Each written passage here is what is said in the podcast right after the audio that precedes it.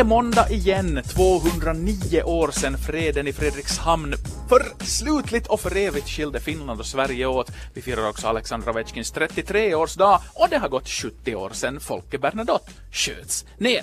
Utöver det så är det också det 26 avsnittet av Ylesportens podd Koivukangas och Vuojärvi på tapeten. Hej Vuojärvi, hur har ditt veckoslut varit? Hej Koivukangas! Uh, vanligtvis så inleder vi ju de här poddarna med att vara sådär på gott humör och, och, och ge sådär virtuella high fives mellan... Nu är du sur. mellan ja! Får jag inleda med, med en sån här sura gubbens vardag? Absolut. Uh, det var ju som så, det vet alla som följer med i idrott, åtminstone här i Finland, att uh, det var säsongspremiär för ishockeyligan och det var också inledning av innebandyligans grundserie. Och jag tyckte så att, eftersom jag gillar båda grenarna, att, att nu ska jag kolla på, på matchprogrammet och det finns ju tre huvudstadsklubbar i innebandyligan, det finns Helsingfors IFK i ishockeyligan.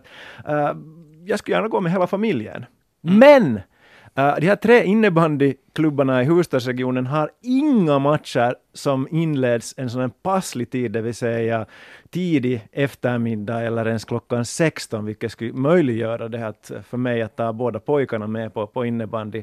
Och, och det här tycker jag att är lite surt. IFK har en match som inleds klockan 16, Jokerit i KHL har uh, några fler, men basketen, inga matcher som, som passar tidtabellsmässigt en familjefar.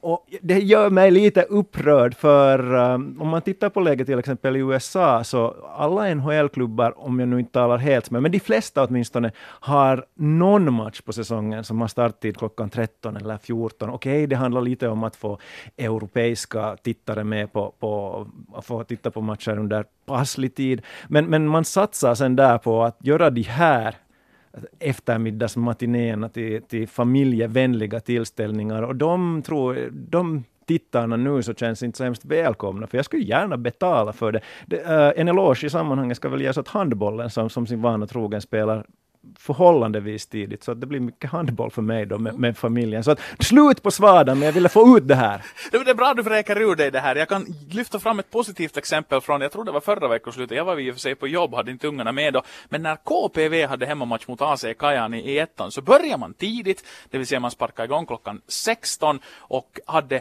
perheottelu som tema. Och Där var clowner, där var karkkikanoner, och där var hoppslott och grejer, och där var mycket kids, och det var roligt att se. Rent fotbollsmässigt var det, tror jag, inte en lika stor höjdare som det att KPV slog EIF i veckoslutet och gick upp i serieledning i ettan, men det hör inte hit. Men ja, I hear you. Uh, fördelen när man bor på en liten ort är ju det att avståndet hem från en match som slutar sent är sjukt kort om man har ungarna i säng på 10 minuter från att domaren har blåst av. Så det är en sån där konkurrensfördel som vi här i bushen har. Men vi ska inte prata om barnvänliga matcher, eller varför inte prata om barnvänliga matcher? Vi har en familjefar med oss i studion idag. Också välkommen med till Ylesportens podd Koivukangas Vuojärvi, Filip Saxén från HBL. Tack, tack, tack. Kul att ha dig med. Uh, du är ju en stor hockeyvän. Hockeymatcher spelas sent och vi ska prata mycket om hockey och kring hockey idag. Håller du på att fostra en hockeyjunior tror du? Nej, det, det hoppas jag att jag inte ska göra. Så som, så som hockeyn ser ut idag och så som hockeyn är, så det ska vi tala om här idag också. Som hockeyn är idag så är det bra att den spelas sent på kvällen. ja, det, det är R-rated underhållning helt enkelt. Med de orden, Kriso, Filip, vi går väl in på substansen och in i den första halvleken.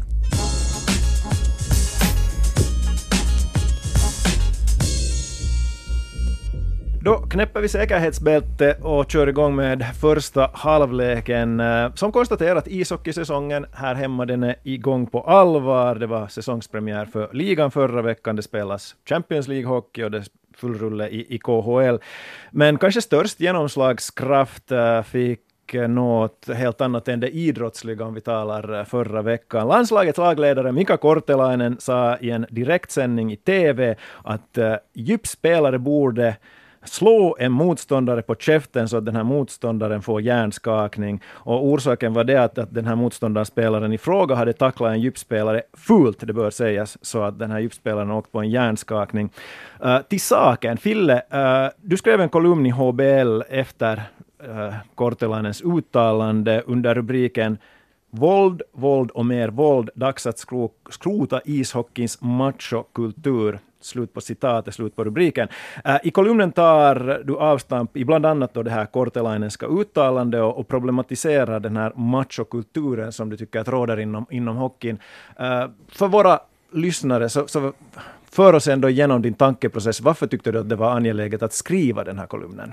No, för det första så det här uttalandet om vi tänker på vad Kortilainen säger att man ska uppmana, eller han vill säga att någon medvetet går och skadar den andra, en huvudskada som ju är på riktigt jätteallvarligt. Så det är, det är farligt, det är idiotiskt, det är fullkomligt oansvarigt. I synnerhet med tanke på hans roll. Han är lagledare för Finlands populäraste landslag. Han, har, han kan inte gömma sig bakom det att han inte skulle veta hur han uttalar sig i, i TV, för han har varit Mm. expertkommentator för kanalen. Så i den rollen han är där, så har han en massa människor som lyssnar på honom och som på riktigt tror att hej, att jag, men vad bra. Då är det okej okay att slå folk på käften så att de får hjärnskakning. Och det, det liksom hänger ihop med den stora bilden sen att om vi tänker på samma vecka så hade Jokerit delat en bild på Twitter där en, en av deras spelare slår ner en motståndare och det var med, med, i positiv anda.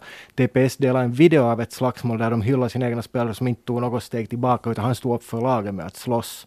Och någonstans det att om man man ser som våld, våldet som något positivt inom hockeyn. Mm. Och det finns väl inget annat område i samhället, i livet, där det på något sätt anses okej. Okay. Jag menar, går någon och knuffar till dig i kiosk, kioskön, inte slår du ner honom. Du tänker inte ens tanken att det skulle vara okej okay att göra det. I hockeyn så är det helt okej okay att du gör det av någon märklig anledning. Så det var liksom förenklat bakgrunden till att det var bara, det är så fel. Mm. Ja, jag håller med. Jag läste den här texten, förträfflig text för övrigt och, och, helt rätt på pulsen tycker jag. För att jag menar, de här exemplen illustrerar ju det att det liksom, att hockeyn på något vis har, lever i en sån här dubbelvärld där man har dels ett regelverk som det pratas om att alla ska följa och att, att domarna dömer att det finns en linje och att man ska ha hårda straff inne i grenen. Men så finns den här erbarmliga koden där någonstans parallellt som bestämmer hur man sen egentligen ska agera och vad som förutsätts av dig när du är en kämpe på ishockeyns slagfält. Det vill säga det här att du inte ska backa backa ner. Det här att du ska stå upp för laget. Det här framförallt att, att det är helt förstås legitimt enligt koden att om någon kommer och går fram till din målvakt så får du crosschecka honom för fulla muggar för det är så det helt enkelt funkar. Även om det då finns ett regelverk som säger att slår du en tvärställd klubba i ryggen på en motståndare så är det en två minuters utvisning. Men det är helt okej okay för att det finns den här, den här liksom andra spåret, de reglerna man följer. Det är liksom lite outtalat men alla vet ändå vad det är som gäller och dit hör ju just de här slagsmålen och, och, och framförallt just Kortelanens uttalande uttalande är ju fullständigt idiotiskt och man, man, kan ju inte tänka sådär. Man kan ju inte säga det högt. Man kan kanske tänka det men man ska kunna stävja sitt käft och liksom hålla igen. Men sen just det här, det här sättet på vilket en hel organisation hyllar en kille som, som däckar en motståndare som ju på den där bilden faller helt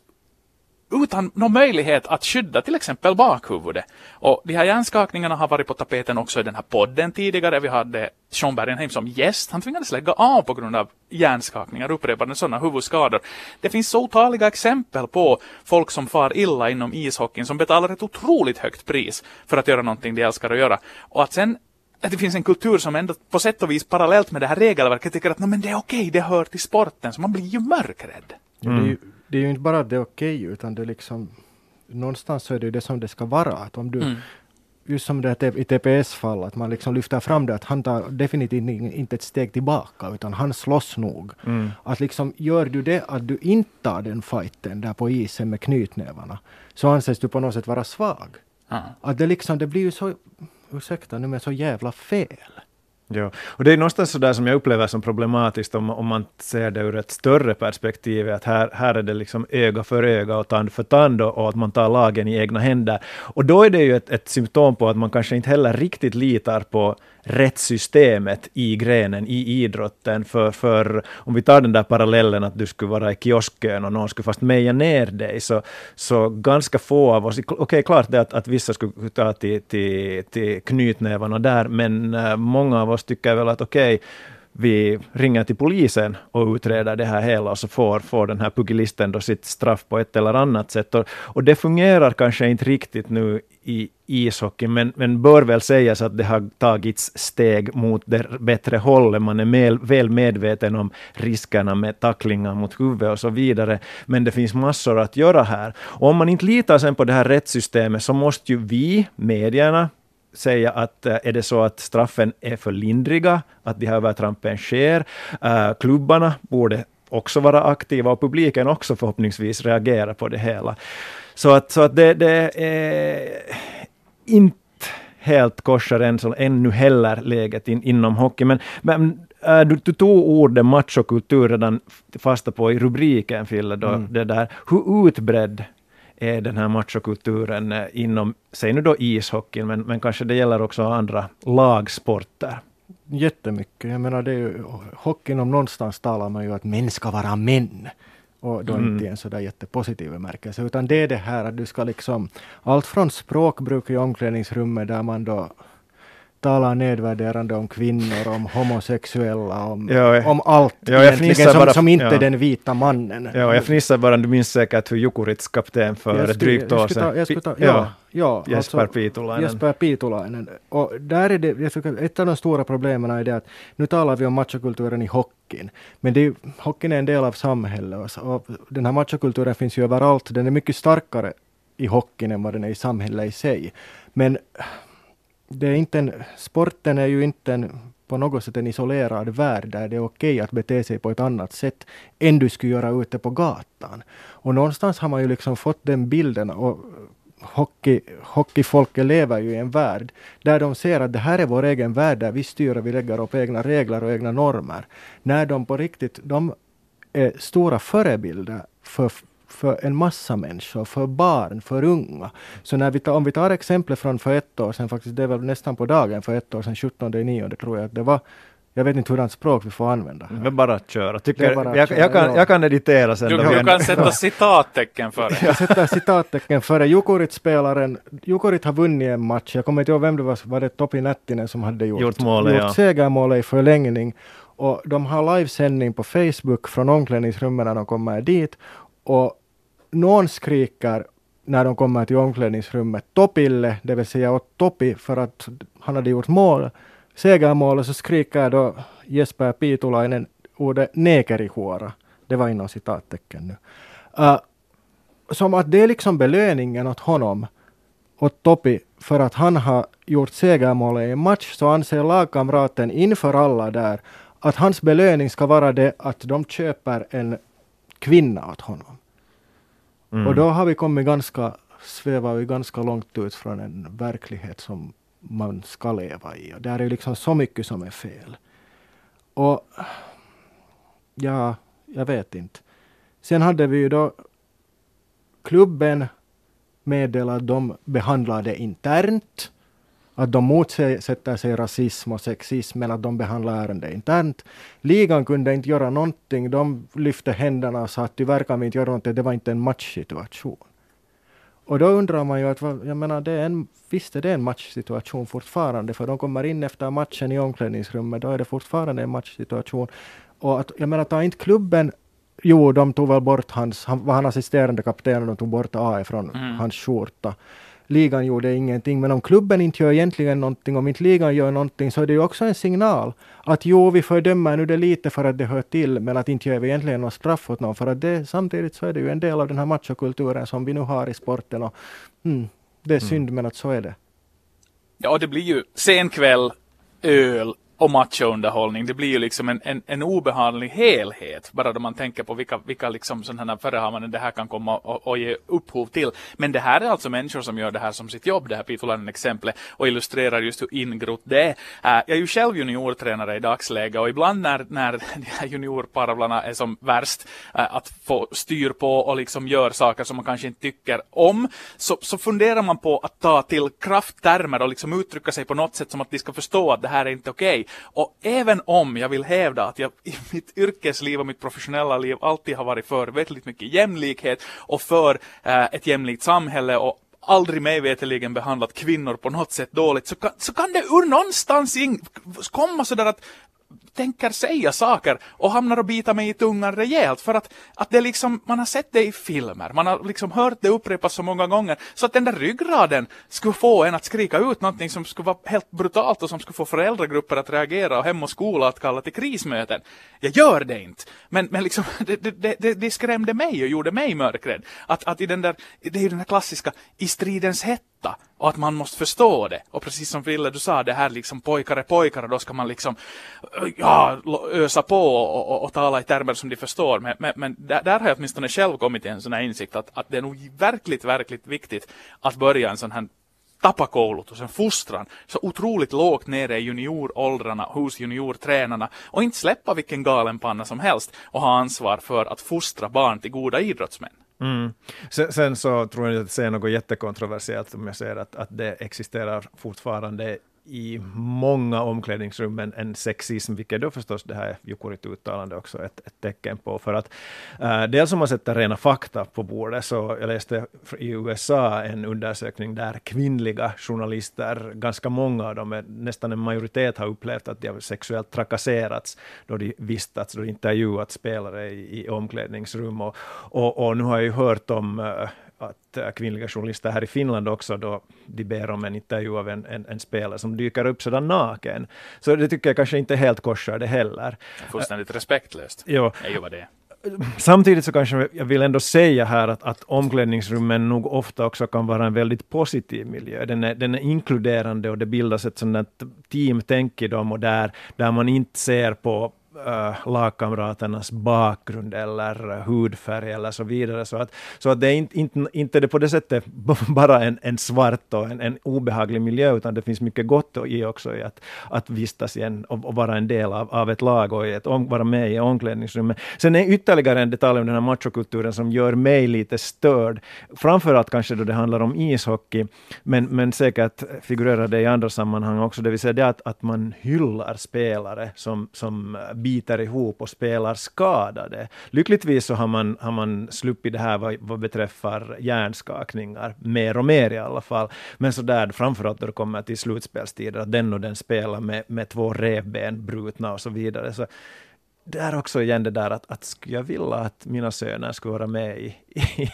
i den här sortens verksamhet. Att, att har man tillräckligt ont så ska man ska någon säga att nej, nu måste du vila. Och, och det här skulle jag också vilja råda bot på. Men, men på tal om att råda bot, så, så ni har lite tangerade, vi har lite tangerade, så, så vad kan vi, eller vad kan man göra för att få en förändring till stånd, så att, så att den här omklädningsrummen och att eh, hela ishockeyn som gren skulle vara mm, mindre macho än vad den är just nu. Har ni, har ni några recept? Ja, jag tror ju att det, allt börjar ju från det att de som, de som har makt, det vill säga klubbledare, förbundsledare, tränare,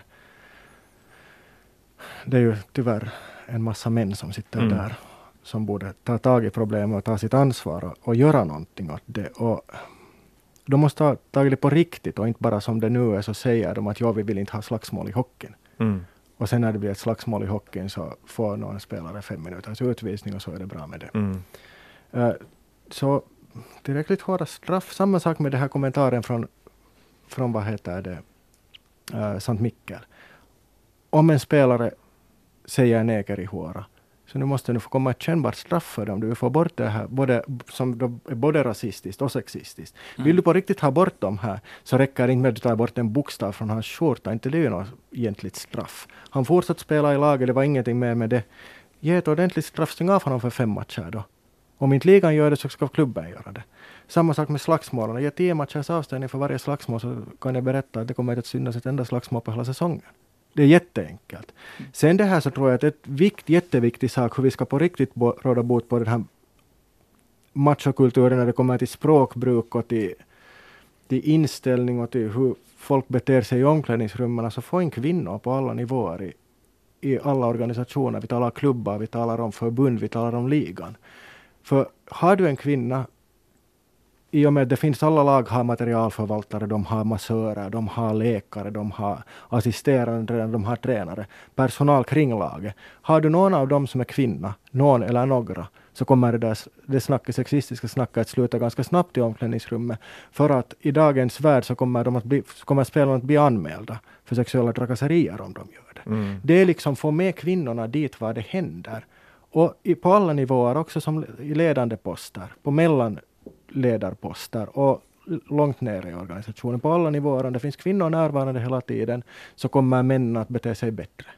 Mm. Jag håller fullständigt med att, att, att de här förändringarna måste ske, men att någonstans i grund och botten måste ju den här hockeyfamiljen så att säga först ställa sig frågan att vill vi förändra någonting? Eftersom de har en produkt som går åt som bara den. Den säljer, den drar. Det är det starkaste idrottsbrändet i Finland. Man har någonting som är värdefullt, som man har byggt upp under många framgångsår. För det första måste du fråga sig, är vi okej okay med det här? Är det kanske så att grenen är sån här och det här har vi och så kör vi vidare och, och, och de gnäller som gnäller men att, att äh, biljetterna går åt och miljonerna rullar in. Om svaret på den frågan är nej, vi vill förändra vår sport i grunden. Vi vill göra någonting åt det här. Så då är det ju många parter som kommer in, framförallt börjandes där i de här slipsrummen. Men precis som Filip säger, det måste komma in folk på alla plan i alla organisationer som har sans och vett och förstånd och någon form av balans. Och det är ofta kvinnor, de facto, i en sån här horribelt mansdominerad gren som herrhockeyn har blivit. Men sen är det också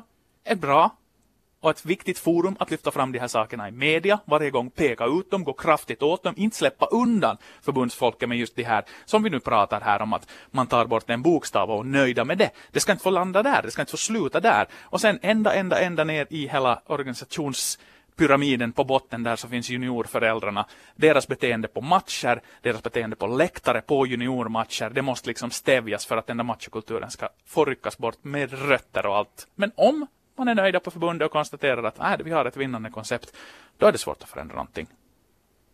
Ja, nej, bara som ett exempel alltså hur, hur olika föreningar fungerar. Så om vi tänker på hockeyns machokultur som ju hackar ner på allt som inte är manligt som liksom och allt som är annorlunda är ju det som man använder som skällsord som, jag menar, ska du slå någon med handväskan, du ska ha kjoltyg och någon, mm, någon, ja. någon, är lite dålig så är det blomsterhattarna och blomsterhattar och det är bögigt och det är det ena och det andra.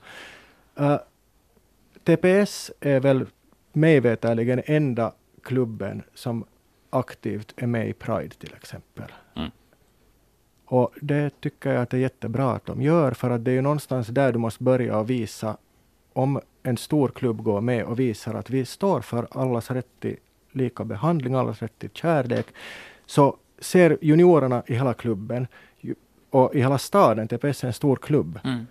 att det här är den vägen vi ska gå. Jag var, deltog i en Pride-marsch här för några veckor sedan i en mycket mindre stad. Och där lyste stadens och ortens idrottsföreningar med sin frånvaro totalt.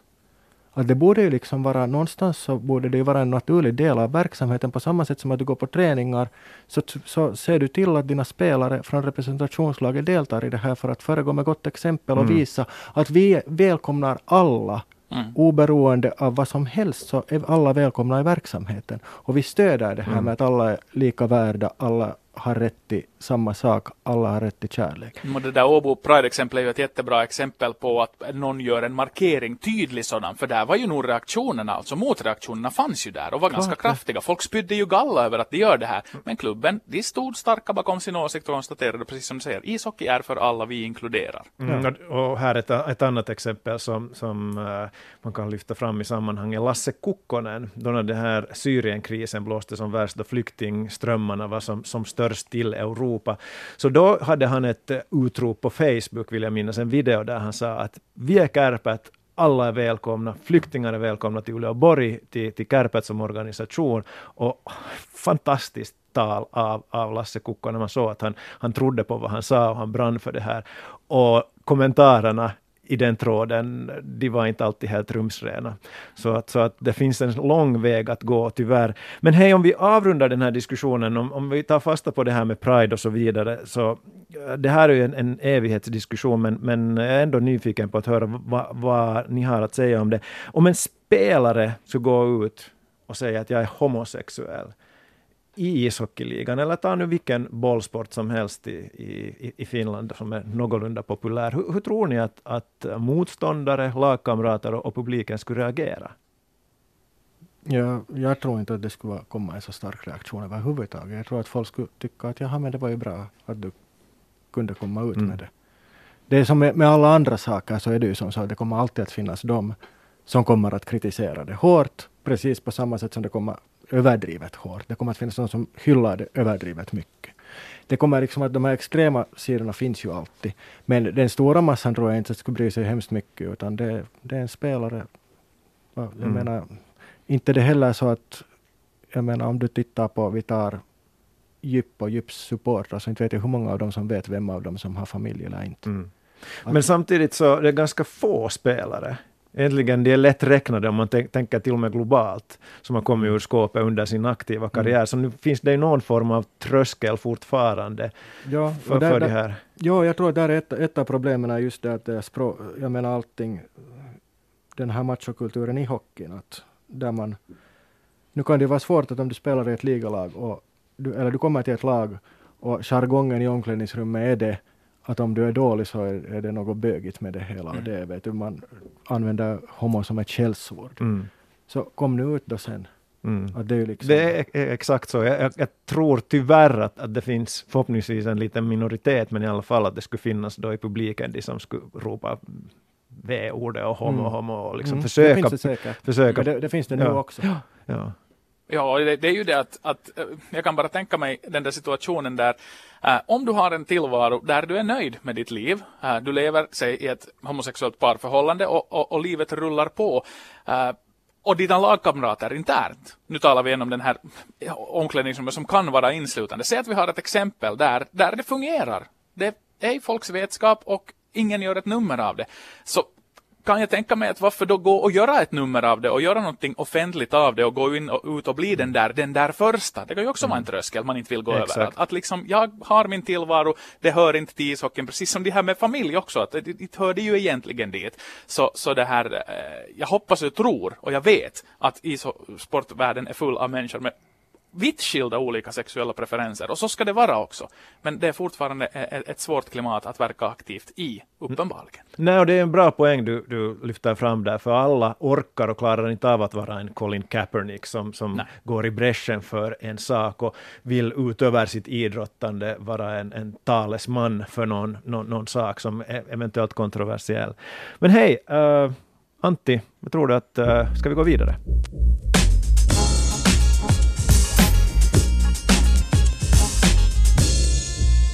Smidigt in i halvlek nummer två. Vi ökar på takten och går in på substansfrågor. Bra diskussion så här långt. Du lyssnar för övrigt på podd avsnitt nummer 26. Vi har med oss Filip Saxén från Hustadsbladet, sportchef där. Och vi har pratat om ishockey nu, men vi skiftar lite fokus till bollsport där, till att börja med åtminstone. Lite större bollar.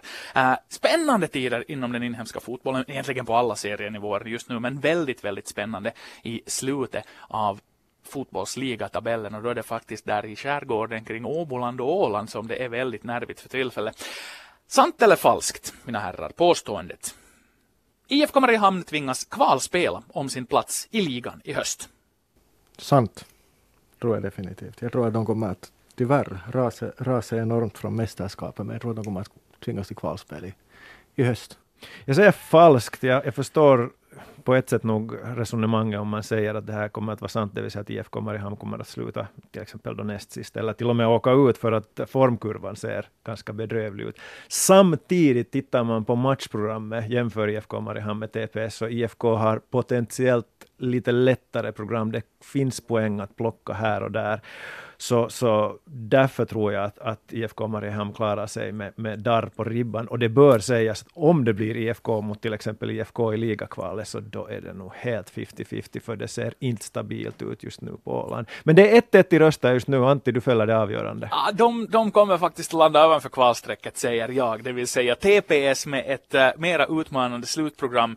Äh, framförallt topptrion i de tre sista matcherna. Även om de inte har någonting att spela för, så kommer de få det svettigt. De har värvat bra och mycket, men uh, jag har sett några IFK halvlekar här och där. Jag har inte lyckats pricka in en hel match, men bland annat när de slog Inter i Tammerfors, ursäkta Ilves naturligtvis i Tammerfors, så var de riktigt, riktigt bra. Och jag tror att den där spetskompetensen ska räckas till för att hållas i serien utan desto mera kvar. Men du nämner har... inte nu den där matchen mot Ilves på hemmaplan. No, men sådana haverier. Jag sa ju att jag har sett en halvlek här och där. Den halvleken har jag inte sett, så jag Nej, vet det... inte vad som hände. Men de, de har inbördesmöten med TPS och Kemi kvar och det är mm. de där nyckelmatcherna. Och så sen har de också ett, ett otroligt äh, behagligt reseprogram. Det är bara en längre resa återstående. De får dessutom åka över till Åbo på en av sina bortamatcher som är kvar. Så att jag tror faktiskt att IFK stannar ovanför strecket, TPS kvalar och Kemi faller.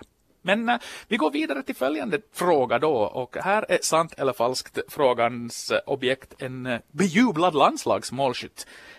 Han har varit där förr, han kanske kan ta sig dit igen men Teemu Pukki kommer att spela i en av Europas topp fem ligor inom de kommande åren. Sant eller falskt? Jag säger sant. Det känns som att Pukki nu äntligen, ska man kalla det, utmäter sin fulla potential. Jag tycker man ser på hans ansikte att nu lever han ett toppidrottarliv och, och det, den arbetsmoral och kapacitet han visar i de här landskamperna till exempel, så tycker jag vittnar om att, om att han har nått en ny nivå som, som fotbollsspelare. Så jag ser det inte alls som omöjligt att till exempel någon Bundesliga-klubb värvar honom från, från Norwich i nästa år eller efter två år. Ja, jag måste bara här, här, blir din röst inte så avgörande Ante, för jag säger också jo. Utan då har vi 2-0 redan. Nej, jag tycker den största utvecklingen i Pukki har kanske skett i, där högst upp i kroppen, i huvudet. Att någonstans nu så får han ut det som har funnits i, kropp, i, i, i fotbollskunnande tidigare också. Samtidigt så är ju frågan sen då lite tudelad, att kommer han att spela i en Europas toppligor eller kommer han att vara i ett lag. Höra till fem, en klubb. Ja, ja, där är ju skillnaden mm. sen att det är, ju ett, det är ju ett steg att ta sig dit men att ett jättestort steg att sen att etablera sig mm. där också. Men jag håller nog med Krisu. Chansen får det, jag håller med ja. dig att, att sen, sen är det ytterligare ett steg att ta att, mm. att uh, bli en ordinarie spelare men jag tror, jag tror att det finns bra möjligheter att, att någon ja. lockas av att värva honom. Ja. Nej, han är färdig. och han är dessutom på den högsta möjliga nivån just nu när man är i Championship. Nåja, skämt åsido. Uh, jag tror faktiskt att på något sätt så, så liksom, han, han pikar för tillfället. Han kommer att göra en otroligt bra Championship-säsong här med ett Norwich som kommer att kämpa i toppen av den där tabellen. Det är en bra miljö att spela i, det är en riktigt bra liga. Sjukt mycket matcher dessutom. Några år Championship-nivå, Sen via typ FC Köpenhamn ett par säsonger hem via klubbi och så ebbar det ut. En fin karriär men inte en karriär som för honom tillbaka till en topp 5-klubb eller en topp 5-liga längre. Det här hävdar jag. Men får ge mig, ni slår mig med rösterna 2-1. Vi förminskar storleken på bollen lite och ställer följande fråga. Finland steg i division 1 i tennisens Davids Cup här under veckoslutet. 19-årige Emil Ruusuvuori vann den avgörande segern i den här Egypten-matchen. Påstående Emil Ruusuvuori är Finlands nästa topp 100 spelare på ATP-världsrankingen. Där måste jag säga att det, det, han, det är falskt. Det är han inte. Det är jättefint att han, det var väl andra gången på ganska kort tid som han vann en sån här mm. avgörande Davis Cup-match. Och då, är det, då ska vi komma ihåg att det är, alltså, det är stort för att du spelar inte bara för dig själv. Att det är inte att du går in i en turnering i Bangladesh och vinner en enskild match, utan nu spelar du både för dig själv men du spelar för landet, att det är större press på dig. Jättebra, men att komma in till topp 100 så det är nog ett jätte, jätte, jättestort steg. Och det tror jag inte att han har kapacitet till. Vad bra, då får vi antingen en avgörande roll. Får jag säga att det är sant? Eh, eh, det här, mm, den här matchen han, han spelade den här avgörande som han vann visar på att han har mental styrka. Eh, uh, Rosovuoris svaghet är att han inte trivs riktigt på grus. Där finns det många poäng att plocka under den här uh, säsongen, vilket han då inte eventuellt gör om han inte blir bättre på det. Men, men om man tänker på Jarkko Nieminen så håller han just nu som 19-åring ungefär samma nivå på ATP-rankingen, på världsrankingen som, som Nieminen Äh, att äh, Emil Ruosuvuori skulle nå liknande höjder som Jarkko Nieminen tror jag inte, men jag tror att han har kapacitet att komma in där bland de ska vi säga, platserna 80 till 100 på världsrankingen, det vill säga att han får kvalar in till Grand Slam-turneringar. Det tror jag skulle vara en helt bra nivå för att få en ny finländsk tennisspelare på, på, på Grand, i Grand Slam-sammanhang. Så att, sant, Antti, Ja, nu, nu går vi in till Finlands riksdag och väljer det där fjärde alternativet där. För jag försöker vrida mitt huvud runt det här och, och kolla just precis som du gjorde. Det här Jarkko Nieminen-exemplet var beröringsytorna där. Jarkko Nieminen gjorde till exempel i den här Rosovuori-åldern under ett år ett hopp från 588 plats till 308 plats. Detta alltså på ATP-rankingen. Så att, så att någonting hände just det där i de där perfekta åldrarna. Uh, där, man, där man går framåt väldigt mycket. Han har väl varit ute på sitt första sånt här se och lärår nu på, på, på touren och börjat spela turneringar. Så att uh, jag försökte och, och, och tänkte och, och, och grubblade och tittade på Youtube-klipp men men jag röstar Poissa. jag, vet inte. Alltså, jag hoppas innerligt att den här killen kan gå långt för att ända sedan jag började som sportjournalist, alltså min karriär långt korrelerar med att Jarkko Nieminen fick sitt genombrott. Och vi hade alltid en skinande stjärna på världshimlen ända från den där första Tally Open-turneringen där jag var så grön att jag till och med tog hans nimmare då jag intervjuade honom för jag tänkte att den här killen kanske kan bli någonting. Så fanns Jarkko Nieminen där. Nu har inte funnits något tennis-S. Så min röst är blank men min, mitt hopp är ställt till 19-åriga mm. Emil Rosenborg. Så, så efter en lång, lång, lång, lång, lång förklaring så säger du ingenting. Du Men- Jag, jag har en karriär som Jag politiker. tänkte ju säga att du ska nog flytta dig till riksdagen. Jo, jag. men eh, under den där turneringen i Italien så intervjuade du ju någon sån där ganska, i det skedet avdankad stjärna. Vi gör, Vem var det vi igen? gör ett kort avbrott här för en trip down memory lanes 17 år tillbaka. Två fantastiska intervjuer. Den första med svensken Vinci Guerra, Just som det. inte nästan ville prata om någonting annat än Raimo Helminen, för han var så stor Redhawks-fan. Så det blev liksom en helt sketch-intervju. Men här är the hang-up. Mark Rosé schweizisk olympisk guldmedaljör som intervjun långt gick ut på att han var nog som sådär okej, okay, of course I won the Olympic gold but I never won a Grand Slam and that was of course the big pity och han var alltså väldigt mycket på nedgång redan då. Och om inte jag minns helt fel så dockade han bort sig under den där turneringen, det vill säga att på, under pågående turnering i Helsingfors nattliv. Det här var alltså, det här var min, min, min talitrippel då. Jarkko Nieminen på uppgång, Vinci Guerra i en hockeybubbla och Mark Rosé på dekis. Sista frågan. Kvinnor borde i likhet med männen spela bäst av fem set i tennisens Grand Slam-turneringar. Yay or nej? Sant, men lite med modifikation. Alltså jag är en stor vän av jämlikhet. Uh, ibland hör man påstående om att uh, det skulle bli för fysiskt tungt att kvinnor skulle börja spela bästa av fem set i Grand Slam-turneringar. Det är ju helt fullständig smörja, för kvinnor har minst lika bra uthållighet som män. Det ser man till exempel i Ironman och de här triathlon-tävlingarna. Så kvinnor har inga som helst problem, topptränade kvinnor, att, att uh, fullfölja och till och med göra fantastiska tider på en, på en triathlon med, med fulla distanser. Uh, men, men däremot så, så kanske jag skulle vända på det hela, att borde också männen gå ner till bästa av tre sätt. Alltså framförallt så där schematekniskt skulle det bli knepigt för de här arrangörerna att få in alla de här extra sätten. Så att, så att den vägen kanske jag hellre i så fall skulle göra, men jag tycker att det skulle vara värt att ha samma spelsystem för både män och kvinnor. Jag kan bara hålla med Kriso här och jag tänkte på precis samma sak att skulle det kanske hellre då vara att gå ner att alla skulle spela det att bäst av tre med ett tredje avgörande set som alltså inte går till tiebreak Mm. utan det spelas då tills avgörande och då kan ju matcherna bli långa. Men fortfarande för att äh, nu om vi tittar på när det spelas turneringar där det på riktigt är för varmt för att spela så inte är det bra heller där, varken hälsomässigt för spelarna eller för publiken eller för någon annan, att, det, att de här matcherna drar ut på tiden. Och inte det annars heller, inte tycker jag det ska vara ett självändamål att vi spelar långa matcher. Det berättar ju också någonting om dig som spelare, du måste kunna avgöra snabbt på, med att vinna två set, att du inte kommer igång efter, efter att ha förlorat två set. Visst Som är en det- gammal diesel. Ja, visst är det fint alla de här liksom, solskenshistorierna, någon ligger under med 0-2 i set och ett, Ha matchboll ett, emot sig. Ett, ett fem matchboll emot sig och ingen räknar och så vänder du det och vinner. Det är ju helt fantastiskt. Men nej, jag tycker ju att hellre, hellre än att öka damspelarnas matcher till, till max fem set så förkorta, dra ner på herrarnas, herrarnas matcher och det har ingenting med ork att göra överhuvudtaget utan det har med jag tror att vi får bättre tennis också i längden. Mm, det handlar ju i grund och botten om, om mycket av den här gamla ingrodda i systemet rådande ojämlikheten. Jag menar, damer var uteslutna från otroligt många idrotter där de är hur duktiga som helst i dagsläget i, i världen. Vi hade boxning, vi hade maraton, vi hade störtlopp som dömdes vara för farligt. Och det här är ju på grund av att det har varit karlarnas spelfält så har alltid sådana här ojämlikheter fått råda. Och jag är helt inne på er linje att man ska jämka det här och, och kanske just i den där riktningen för tre sättet. Eh, många drar framförallt alltid fram det här traditionskortet. Det här har vi för att det är tradition och det har alltid varit så här och man ska kunna jämföra resultat med varandra. Men att ha traditionen som argument för att ett ett missförhållande ska råda, så det, det är en farlig, farlig stig att vandra på. För moralen och värdegrunderna i samhället ändras och då ändrar man på traditionen, det vill säga då växer man som samhälle med det som håller på att ske och biter inte sig fast vid gamla och mossiga argument för hur saker och ting ska råda. Så vi är med rösterna 3-0 här definitivt för en förändring på den här punkten.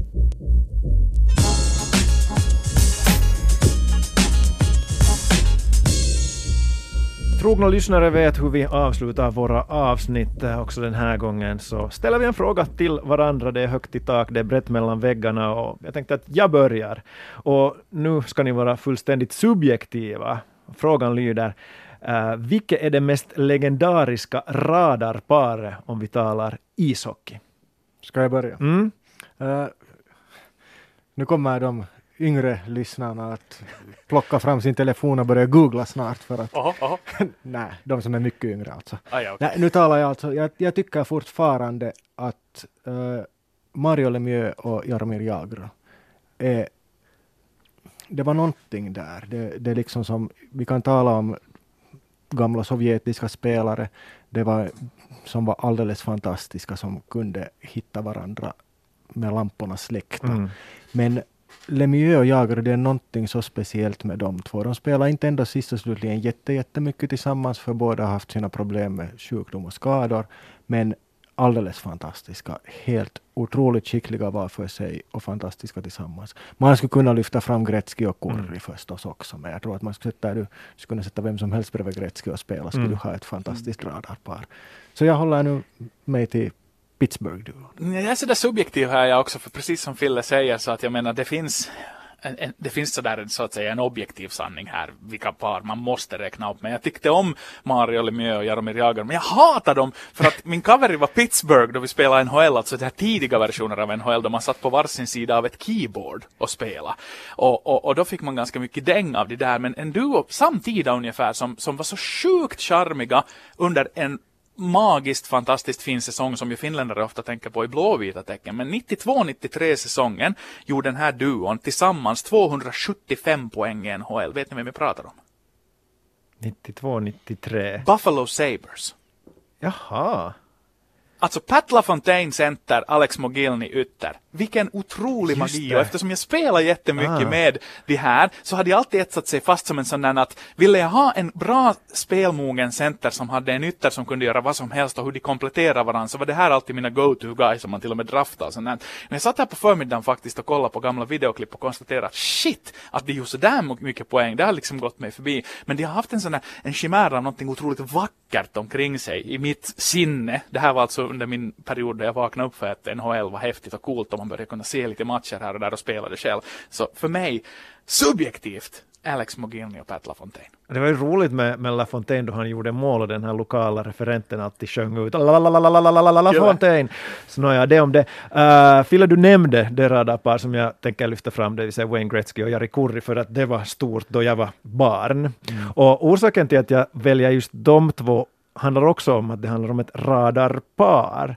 För nu var det någonstans ändå så att de här två hitta varandra, Kurri och Gretzky, men den där tredje länken i kedjan, den varierar. De hade många år till exempel den Mike Krushelniski. Jag läste Gretzkys självbiografi så att uh, Krushelniski hade vid något skede kommit till omklädningsrummet efter match och sagt att, att det här var ju, var ju en bra match, att jag krockade bara en gång med dig idag. Och Krushelniski var ju sån där 1,95 och, och 98 kilos snubbe så att Gretzky som var betydligt spinkigare konstaterade där i boken att, att om det var någon spelare man inte ville krocka med så var det just den här, här spelaren. Men, men Jager och uh, Lemieux är ju lite på samma nivå också, att, att, att den där tredje länken i kedjan, minns jag inte ens riktigt vem nej, det var. Nej, det var inte så viktigt. Nej, nej, det behövdes. För det behövdes ju, de ska kunna spela Ja. bara de två där istället. De ska kunna ha Ja. en, en, bara två anfallare och två backar. Ja. Jag kan säga att min polare Jocke, som då alltså var Pittsburgh Penguins alltid, så brukade matcha en center vid namn Ron Francis. Mm, Mittemellan ja, här men killarna i några av de legendarisk. Det är det enda. Och så fanns faktiskt Thomas Sandström med i det här laget också i något skede, så han till och med har spelat i några upplagor Ja. med Gretzky, med, Men- med, med Lemieux och jag. Men på tal ännu om att du tittar på, på videoklipp så nu är det ju sådär komiska om man tittar på NHL eller vilken ishockey som helst från redan 80-talet. Nu är det ju Det är en, alltså herregud, Det är ju vilken skillnad! Ja. Och målvakterna med sina små skydd också så att det blev mål från direktskott på blålinjen och så vidare så att det, det, det, ibland om jag har en, en, en lite dålig dag eller tråkigt så, så bara att googla eller sätta på Youtube NHL och highlights från Men för 80-talet. Så. att tangera vår korta, eller vår diskussion tidigare i podden, så när jag halkade in här på Buffalo Sabres så föll jag snabbt lite ner in på 80-talet och hamnade in på, vad heter det nu, The Punch Up in Pistani eller något sånt här, den tjeckiska orten där det blev det här gängslagsmålet mellan, mellan Sovjet och eh, Kanada, junior-VM. Alltså de släckte lamporna! Yes, Ja. exakt! och, och sen då man snöar in sig på saker på Youtube så kan det gå riktigt, riktigt åt skogen. Och för mig gjorde det en, för jag började ju sitta och titta på de här spelarlistorna och kolla vem som var där. Och där på något sätt kom också Alex Mogilny fram, för han var med där. Ja. Jag vet ju inte hur bra han var sådär som fighter, Ja. ärligt talat. Han var ju ganska sådär spinkig och ytter typ. Men det var ju en, ett fascinerande fall det också, för att tala om det här med att någonting länge ingrott en machokultur för där satt Don Cherry i TV-studion och kommenterade ja men det var han ryssen som började så de måste vara killar in, kodi, kodi, kodi. Ja, och det är på tal om, på tal om sådana absurda grejer som man kan hitta på Youtube, så tydligen på 70-talet så hände det mer än en gång också att Boston Bruins spelare blev så förbannade på, på borta publiken att de klättrade Ja, jag över. minns det. Och bör- det- börja- det var- Till och med på 80-talet Ja. hade det alltså hänt att spelare klättrar upp i publiken. Och börjar- mer än en, alltså det var Jo, i jo, princip att hela de- laget. Ja, att de klättrar upp i publiken och börjar slåss med åskådare. Ja, så på tal om det vad vi, vi diskuterade här i första halvleken, så nu har det ju skett åtminstone någon utveckling lyckligtvis. Nå, jo, jo. Ja. Men hej, ja, säg bara Antti. Är ingenting. ingenting. vi, vi kunde, det här kunde vi prata länge om. Vi Ja. måste ha ett specialavsnitt, avsnitt, specialavsnitt om gamla YouTube-klipp från Uh, hockeyvärlden. yes, Fille, din fråga. Eh, min fråga börjar med lite information. I Luleå får alla spelare i damlaget den här säsongen betalt, vilket betyder att de kan träna dagstid, hör och häpna. Nu talar vi alltså om högsta nivån. Där spelar en hel del finska landslagsspelare i klubben också. Eh, när kommer det här att hända i Finland? Det vill säga, när kommer första damhockeylaget att betala åt samtliga spelare så att de kan träna dagstid? Om Finland vill hänga med i utvecklingen så tror jag att klockan klämtar, det vill säga att det här bör ske inom ett par, tre år senast för att eh, förutsättningarna i Sverige är på så avsevärt högre nivå nu för damspelare. Och det ser man ju att, att finska landslagsspelare åker dit. Men jag är illa rädd att, att eh, Svenska Hockeyförbundet på något sätt börja begränsa det här. För det är massor med bra spelare från olika landslag som, som lyfter på nivån, jo, men samtidigt kanske ger lite mindre chanser för, för de egna svenska spelarna. Men jag hoppas att det här sker, men jag är illa rädd att det kommer att ta långt över tio år innan vi har det första finländska laget som erbjuder den här möjligheten. Så att om jag nu ska ta fram en siffra från hatten så säger jag 15 år. Mm, jag är nog där på tvåsiffrigt jag också i det här fallet. Jag använder eventuellt då en, en spegling till damfotbollen som jämförelse där vi hade UIK till exempel i mitten av 2000-talet som redan då var en professionellt skött organisation som betalade lön åt sina spelare som möjliggjorde en professionell vardag och en verksamhet. Äh, där har Finland inte ens ännu heller hunnit ikapp och då är vi nästan 15 år efter. Så att jag säger att den där 10-12 års horisonten och då kräver det ju engagemang inte bara från de här klubbarna utan då måste vi få ett förbund som Mm, också går i bräschen för en sån utveckling. Och då till exempel att da- damligaturneringarna inte är ligaturneringar som spelas i obskyra hallar under veckoslut, lite plottrat här och där, utan att de får bli en legitim serie där man går på match på en torsdagkväll för att man vill titta på damerna i det egna laget spela om ligapoäng. Så att 10 till 12 år. Fille, du Ja, får svara på din... Jag får svara på min egen fråga. Du ja. får facit. Nej, jag, jag håller tyvärr med. Jag tror också att vi får vänta omkring tio år före det händer. Och det, det, som, det viktigaste som måste hända är att klubbarna måste själva anse och inse att damlagen är viktiga för dem. Och någonstans börja lyfta, lyfta upp sina egna damlag. Och göra dem till en del av, av hela föreningens verksamhet. För nu är det ju ofta som så att, jag menar, ja, en del, inte ens alla ligalag har ju damlag och de som har så berättar nu inte hemskt mycket om det. Att gå på en herrmatch någonstans så inte marknadsför de sina dam, sin damlagsmatcher. Inte lyfter de fram hur det har gått i dem. Inte lyfter de fram damprofilerna att komma och träffa våra damspelare. Mm. De finns i, i hörn C under andra periodpausen. Eller att de har dem på isen och intervjuar dem under matchpauserna. Att om, och det här är allt sånt som inte kostar någonting Mm. Börja därifrån och börja sen och bygga upp det så att de får liksom att folk vet att det finns, för det är ju väl förutsättningen för att man ska gå och titta på det, att man Mm. vet att det finns överhuvudtaget. I Vasa finns ju det där exemplet där Vasas s- ligadamer uh, under träningssäsongen putsade isen under herrarnas matcher.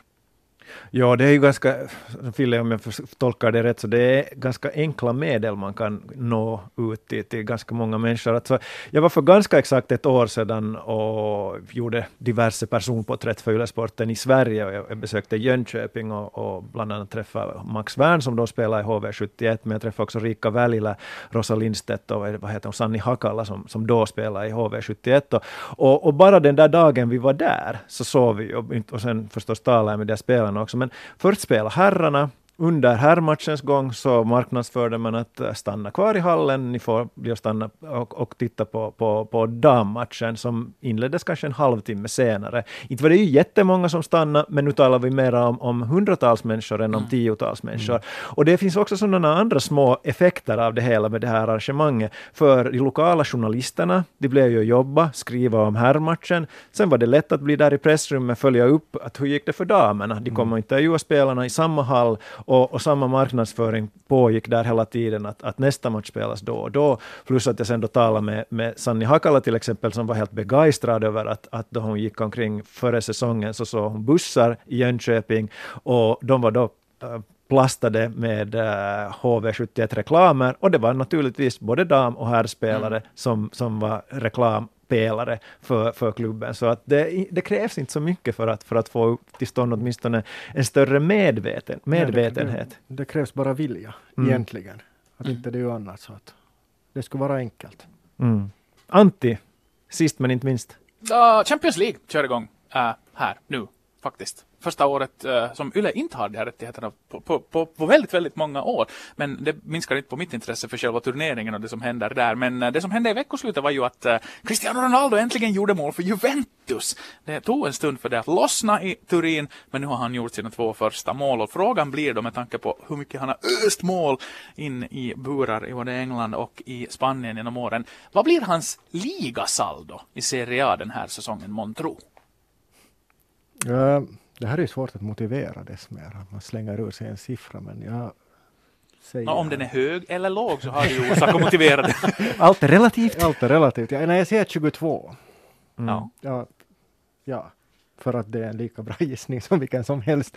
Nej, ja, han är ju en duktig målgörare, målskytt och, och som Serie A, nu inte världens mest offensiva och glad fotboll, offensiva liga med glad fotboll så tror jag nog att han kan mm. producera ganska duktigt där. Jag tror också att det var det Los Ketchup-effekt, för det tog sin tid innan han började mm. hitta rätt. Men, men uh, han har ett så stort ego så jag tror inte att, det tillåt, att han tillåter sig själv att bli på ensiffrigt. Jag tror inte ens han tillåter sig själv att, att vara där någonstans. Att bli på tvåsiffrigt? Ja, på 10 eller 20. utan, utan jag tror att, att, att nu så börjar målen rassla in och det heter, det måste jag kolla upp, att den som vinner skytteligan i Serie A så den koras till Capo Canoniere, det vill säga då skyttekung på, på italienska. Och jag tror att Ronaldo de facto vinner den här titeln och han gör 29 mål i Serie A för att om vi nu tittar de senaste 10 säsongerna så där omkring där lite 30 plus minus något mål så krävs för att vinna skytteligan i Serie A. Så, så det blir i så fall ett,